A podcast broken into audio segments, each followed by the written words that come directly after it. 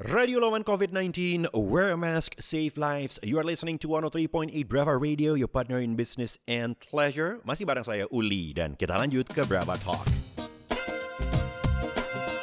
Join us on Brava Talk. Kita lanjut lagi di Brava Talk. Pertanyaan pagi ini adalah apakah Anda berani consider memulai bisnis di masa pandemi ini? Kalau ya, bisnis apa sih? WA saya 0815 1038 1038 atau Instagram story at Brava Radio.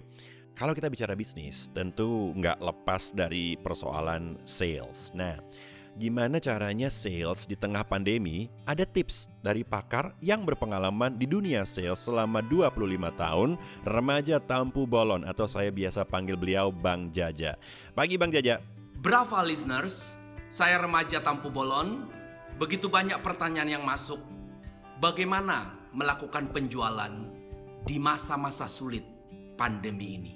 Sebab kalau seorang penjual menghubungi calon pelanggan atau calon pembelinya, dia khawatir dianggap tidak peka terhadap situasi terkini, yaitu pandemi.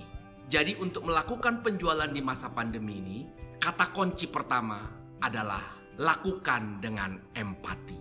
Tentu saja, banyak cara untuk menunjukkan rasa empati kita, tidak hanya dengan menyapa, menanya kabar dan keadaan mereka, tapi bisa lebih luas, mengirimkan sesuatu yang mereka perlukan, alat-alat yang berkaitan dengan menjaga kesehatan mereka, lakukan di masa-masa sulit ini. Karena apa yang Anda kirimkan ke mereka adalah sebuah alat komunikasi yang baik.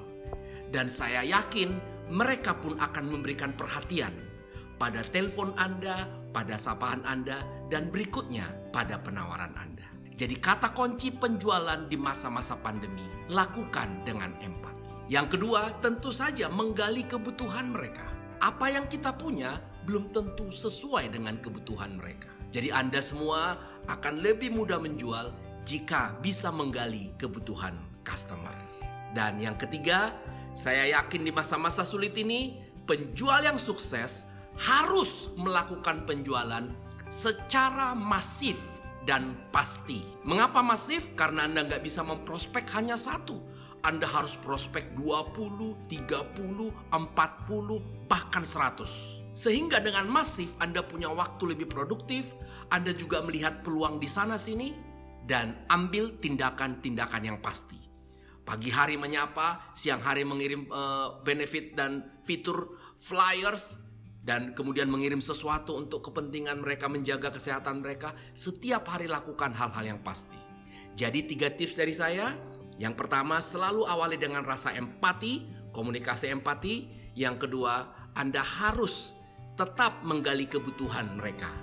Dan yang ketiga, lakukan penjualan secara masif dan pasti. Saya remaja Tampu Bolon untuk Brava Radio.